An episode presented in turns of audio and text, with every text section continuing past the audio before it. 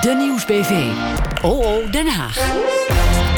Pracht en praal en de hoedjes die waren weer in overvloed aanwezig. Het was tenslotte Prinsjesdag en dus feest voor de Oranje-fans... en feest voor de democratie. Maar voor de laatste begroting van Rutte 2 is een stuk minder enthousiasme. En toch wil dit eh, kabinet kudo's voor al het noeste werk van de afgelopen jaren. En daarom praat ik eh, met eh, Francisco van Jolen, eindredacteur van de opiniesite Joop.nl... en met Peter K., politieke redacteur bij Pauw en bij de Nieuwsbv. Heren, beide welkom. Dank je. Ja, laat ik de Volkskrant er even bij pakken. Ja, je ziet het al op de voorpagina, een foto van vicepremier Ascher... die net een selfie maakt met premier Rutte. En daarbij de kop, dit was wel een goed kabinet. Het kabinet wil gewoon erkenning. En daar zag je in de troonrede ook al een aantal verwijzingen naar. Meer eh, groei, meer banen. Kortom, het was gewoon uh, goed beleid. Maar wat is jullie uh, finale eindoordeel? Nou ja, de troonrede leek wel geschreven door Samson. Eigenlijk, als je het zo las. Weet je wel, ook aandacht voor de zwakkeren erin een beetje. Denken, nou, dat had hij misschien wel eens eerder mogen doen uh, in die tijd. Dus, en wat daar aan opviel, is dat het kabinet uh, heeft het, het goed gedaan. Nou, het had twee doelstellingen toen dit kabinet begon. Dat was het er bovenop helpen van de economie... en het herstel van vertrouwen. Nou, de economie die, dat is inderdaad gelukt. Maar het herstel van vertrouwen, daarbij kan je wat opmerken. Dat vertrouwen is weer hersteld in de politiek van tussen PvdA en VVD, eh, VVD. Die hebben vier jaar lang geen ruzie gekregen. Dus samen hebben ze de rit, uit, rit uitgezet. Maar bij de bevolking helemaal niet. Daar is het vertrouwen is 34 procent. Dat is heel erg laag. Dus eh, daar zijn ze totaal niet in geslaagd. En dat is misschien wel omdat ze dat vertrouwen in elkaar zo goed hebben bestendig. Ja. Nou, het grappige is dat die 34 procent... dat is uit een, een peiling van een vandaag van gisteren... dat is een stuk hoger dan het vorig jaar was. Dus vorig jaar stond het kabinet er wat vertrouwen een stuk slechter voor. Toen was het iets van 20 procent? Ja, zoiets. En uh, dat, eigenlijk komt het oogsten komt een beetje te laat. Vooral voor de Partij van de Arbeid. Uh, nu is er, bedoel, 34% blijft weinig. Maar als al die mensen op, de, op, uh, deze, op de, dit kabinet hadden gestemd... waren ze al heel erg gekomen. Ik ga je even corrigeren. Uh, dit is de waan van de dag. 34%. Weet je hoeveel dat is? Dat is toen in 2008 het kabinet Balkenende op een absoluut dieptepunt zat in de Nederlandse geschiedenis, hadden ze 34% Dat wordt nu gezien als een hoogtepunt. Wat normaal was, bijvoorbeeld paars, paars 1, paars 2... zaten gewoon boven de, ver boven de 50 procent. Dat was normaal. Toen is het populisme opgekomen. Wantrouwen in de politiek steeg. Niemand was meer te vertrouwen. Dat is een eenvoudige truc. En ze zijn er niet in geslaagd om dat te herstellen. Het dieptepunt van tien jaar geleden is nu het hoogtepunt. Hoe goed is het dan? Ja, het is toch wel verbijsterend. Want inderdaad, de economie staat er echt vele malen beter voor... dan toen dit kabinet begon. Um, ze hebben een aantal hervormingen doorgevoerd waarvoor ze enige krediet verdienen. Dat was ook niet makkelijk, want er was steeds een minderheid in de Eerste Kamer. Ze moesten steeds gedoogsteun zoeken overal. Dus het was een hele uh, puzzel. Uh, ze hielden elkaar maar vast. Ze hebben maar twee keer een groot conflict gehad. Dat ging over bed, bad en brood. Ja. En over die, uh, een zorgverhaal met, met mevrouw Schippers... die toen heel erg boos was... omdat ze in de Eerste Kamer werd losgelaten. Um, het was voor ons eigenlijk een hele saaie periode. Voor ons als journalisten was er gewoon niet zoveel te doen. Je, je hebt toch behoefte aan wat conflict, wat wrijving tussen die partijen. Um, maar er gebeurde gewoon heel weinig, omdat Samsom en Rutte tot in de treuren loyaal waren aan elkaar. Wat dat betreft kan ik me heel erg verheugen op de komende tijd... met een kabinet met vier en ik zal, ja, veel, ik zal, jij, zegt ook, jij zegt ook van het land staat er uh, veel beter voor. Nu heeft dit kabinet wel enorm uh, hard uh, verbouwd, bezuinigd, gesaneerd. ligt het nou aan het kabinet dat Nederland er zo goed voor staat... of ligt het aan de aantrekkende wereldeconomie? Ja, dat is geloof ik de vraag die je altijd moet stellen. Maar je kan wel constateren dat in landen waar ze het tegenovergestelde hebben gedaan van dit kabinet... zoals nu bijvoorbeeld in Portugal, waar een linkse regering is... die zegt rot op met je bezuinigingen, we gaan de wereld niet kapot maken. We, we doen het tegenovergestelde, we gaan investeren. Daar gaat het ook heel erg goed. Dus ja, we hebben een tijdje België gehad... die helemaal geen regering hadden. Anderhalf jaar of twee jaar bijna. En daar ging het ook goed. Dus ik weet niet... Je zou wel kunnen ja, zeggen... Kijk, zolang, Peter had het over hervormingen. niks doet. Dat, dat, dat, dat heb, ik veel gehoord hier ook. Ik bedoel, er wordt niet geregeerd. Het gaat prima met het land. Uh, in België lag het ook anderhalf jaar stil. Het gaat prima met het land. Maar kijk, op zo'n moment worden er geen stappen genomen... Uh, die naar de toekomst toe leiden. Het gaat op dit moment in België een stuk minder goed dan hier. Ja. Um, en er zijn hier heel duidelijk een aantal dingen nodig. Het is niet voor niks dat er heel erg wordt gepraat over de arbeidsmarkt... en hoe die te hervormen.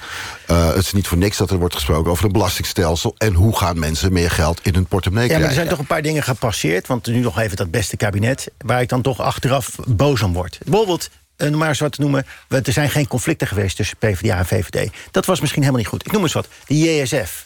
De grootste mislukking uit de wereldgeschiedenis zo'n beetje. Aan de JSF, ontwikkeling van de JSF schijnt nu al meer geld uitgegeven te zijn... dan er ooit is besteed aan de bestrijding van de klimaatverandering in de hele wereld. En dat hebben we eigenlijk... eh, De PvdA is daarmee akkoord gegaan. Niemand mocht daar tegen een oppositie voeren. Eh, Er is een Kamerlid voor opgestapt, eh, of twee. En dat was het dan. Er is geen discussie over geweest. Er is geen debat over geweest. Er is geen protest geweest. Er is helemaal niks. Terwijl het om iets gaat wat toch vrij wezenlijk is. Nou ja, maar misschien dachten ze bij zichzelf... van ja, we moeten elkaar al vasthouden om het land heruit te vinden. Om het land weer... eh, Ja, ze hebben ook een partij heruitgevonden. Ja. in de tussentijd. Ja, dat is wel de prijs die ze daarvoor betaald hebben. En ik denk nog steeds dat, ook al waren, zijn dat de meest nobele bedoelingen geweest... dat dat een grote, cruciale fout is geweest. Goed, eh, eh, minister eh, van Financiën, Dijsselbloem... die is zich eh, opvallend aan het eh, Hij maand de formerende partijen haast te maken. Eh, ze hebben ook echt eh, meer geld om uit te geven. En gisteren riep hij ook iedereen op om lid te worden van de vakbond. Wat, wat is er aan de hand met eh, de heren Ja, dat vond ik een schitterend voorbeeld van petje op, petje af. Ik bedoel, het, het petje, hij heeft nog het petje op van minister van Financiën. Dat heeft hij te lang op naar zijn zin. Want ik bedoel, ik sprak hem maanden geleden al in de wandelgangen. In mei was hij al wanhopig over die eeuwigdurende formatie. Had hij er al helemaal te bak van. En dat is ook niet zo vreemd, want hij heeft zelf die, forma die vorige formatie gedaan. Daar zat hij aan tafel met Wouter Bos, eh, Samsom, Rutte en eh, eh, Blok, nou, eh, meen ik. Ja, Blok. Of Kamp, nee, Kamp zat er. Ehm, en dat was een formatie die in een, in een zes weken klaar was. Ja. En nu zat hij vol verbijstering te kijken naar die partij... die elkaar niet schunden en weer met elkaar braken. En, eh, terwijl hij vindt gewoon, eh, maak afspraken met elkaar en ga regeren. Nou ja, nu zit hij er nog, een half jaar later. Volgende maand eh, neemt hij waarschijnlijk afscheid... want dan zullen ze wel eindelijk klaar zijn. Ehm, maar ondertussen is hij ook Kamerlid. En gaat hij zich ook weer profileren als PvdA-man. Dus zegt hij, mensen, word lid van de vakbond... Uh, nu hebben jullie recht op een hoger loon. Uh, kom op, ga maar naar het Malieveld. Binnenkort staat hij binnen, vooraan bij de demonstraties Maar daar. ondertussen kon hij ook nog wel de nieuwe begroting maken... en zagen we ook nog wel wat eh, eh, Partij van de Arbeid eh, eh, cadeautjes eh, hier en daar vallen. Bijvoorbeeld naar, eh, naar het onderwijs. Eh, we hebben ook gezien natuurlijk een, eh, heel veel geld naar de eh, verpleeghuiszorg. Eh, is de Partij van de Arbeid stiekem toch nog voor Sinterklaas aan het spelen dan? Nou, niet voor Sinterklaas te spelen. Ze hebben nog een aantal dingen geregeld, maar eh, eh, te laat. En eh, ja, op een manier dat ze daar eigenlijk... Dat is eigenlijk het begin, dit, deze kabinetsperiode, wat is daaruit opgevallen? De PvdA heeft nooit iets gezegd over de eigen successen. Dat mocht ook niet. Weet je wel, dat wilden ze niet roemen, want waren ze bang om het vertrouwen met de VVD te schaden. Dus nou, dan moest je niet. Nu durven ze dat dan voorzichtig, maar dan zie je zo'n constructie van Verijn. Dat is dan eigenlijk tussendoor. Niemand heeft dat doorgehad. En daar zijn ze dan heel erg trots op. Daar ga je het natuurlijk niet mee redden. Dat je achteraf zegt: ja, kijk eens wat we allemaal gedaan hebben. Nee, maar dat is ook in die campagne op- totaal fout gegaan. En wel heel even toch, want ik bedoel, toen Asscher het overnam van Samson... omdat hij werd verkozen, toen heeft hij op, op twee paarden gewet eigenlijk... of op geen enkel paard, zo kun je het ook zeggen. Ik bedoel, hij was niet trots op wat ze tot stand hadden gebracht. Hij ging afstand nemen van het kabinetsbeleid. Hij ging de Partij van de Arbeid profileren als een soort oppositiepartij. En op een later moment dacht hij weer van... nee, we moeten toch dat regeringsbeleid er nog toe halen. En toen was het te laat, het mislukte campagne... Negen zetels. Ik denk dat Samson Maar dat met is- trots zijn op het beleid toch een eind verder Over. Dijsselbloem en dat vakbondslidmaatschap. Ja, precies. dat dacht ik van, nou oké, waarom heb je dat niet vier jaar geleden gezegd? Misschien waren er dan nog een paar bezuinigingen die voorkomen hadden kunnen worden. Als er wat meer mensen van de lid van de vakbond was geworden... en de vakbond wat assertiever geweest. Zoals dat in andere landen ook is. Want je kan je afvragen, meneer Dijsselbloem... geldt dit advies ook voor de Grieken? Moeten de mensen daar ook lid worden van de, van de vakbond... om zich hun belangen te verdedigen? Nu hun belangen afgepakt zijn... en nu wat, ze, wat zit het? De Nederlandse salarissen of lonen zitten op hetzelfde niveau als in 2001. Ja. Dat betekent wel 15, 16 jaar stilstaan. Dat is echt belachelijk. Slaat helemaal nergens op. Ondertussen zien we dat... eh, ja, het is een beetje cliché, maar het is echt zo. De rijken worden steeds rijker. En dat is allemaal oké. Daar wordt niks aan gedaan. En nu is het dan eindelijk overschot. En waar gaat het dan weer over? Het verlagen van de belasting. Maar waarom zou je dan eigenlijk lid worden van een vakbond? Vroeg ik me ook wel af. Want ik bedoel... eh, Omdat als je links bent... Kijk, dus, Ja, Peter, kijk, kan je vroeger- even- vroeger kan je had je- eenvoudig uitleggen. Als je Nee, rechts bent, je heb je uitleggen. kapitaal. En dan heb je stadjemacht. Als je links bent, heb je maar één ding wat je hebt. En dat is organisatie als wapen. Ja, Waarom- de vakbond. Nou, dat is lekker georganiseerd. Dan hebben we meneer, eh, hoe heet die meneer? Eh, Duster? Ruster? De Musker? eh, Dusker? Ik weet niet precies hoe die... Vroeger had je nog mensen die aanspraken, weet je wel. Had je Wim Kok. Han Busker bedoel je? Die bedoel ik, ja, Ja. precies. Ik zocht naar zijn naam. Dat Ja. heeft wellicht te maken met het charisma van de man. Ehm, je wilt er mensen die je naar, hebben die je naar het Malieveld kunnen dirigeren. Ik bedoel, Wim Kok heeft dat gedaan. Lodewijk de Waal kan ik me herinneren. Agnes Jongerius heeft er gezeten. Dat was een vrouw om wie je in ieder geval niet heen kon. Dat waren mensen voor wie je nog wel door het vuur wilde gaan. Maar nu zitten er mensen die... die die niets teweeg kunnen brengen. Uh, het vakbond heeft ook heel weinig leden. omdat- natuurlijk Nog steeds jongens, minder wil- leden. Maar Ik wat wil, stelt het nou ik wil het nog even hebben over het nieuws wat vandaag eh, bekend werd... over voormalig politicus eh, eh, minister eh, Camille Eurlings. Hij is lid van het Olympisch Comité... en bestuurder eh, bij eh, sportkoepel NOC-NSF. Maar wegens mishandeling van zijn vriendin... kwamen die functies op losse schroeven te staan. En eh, het Algemeen Dagblad schrijft dat Eurlings... toch een verklaring omtrent gedrag heeft gekregen... en zou kunnen aanblijven. Peter, jij weet meer van deze kwestie? Nou, ik ben eens even gaan uitzoeken wat dat nou precies is, zo'n verklaring omtrent gedrag.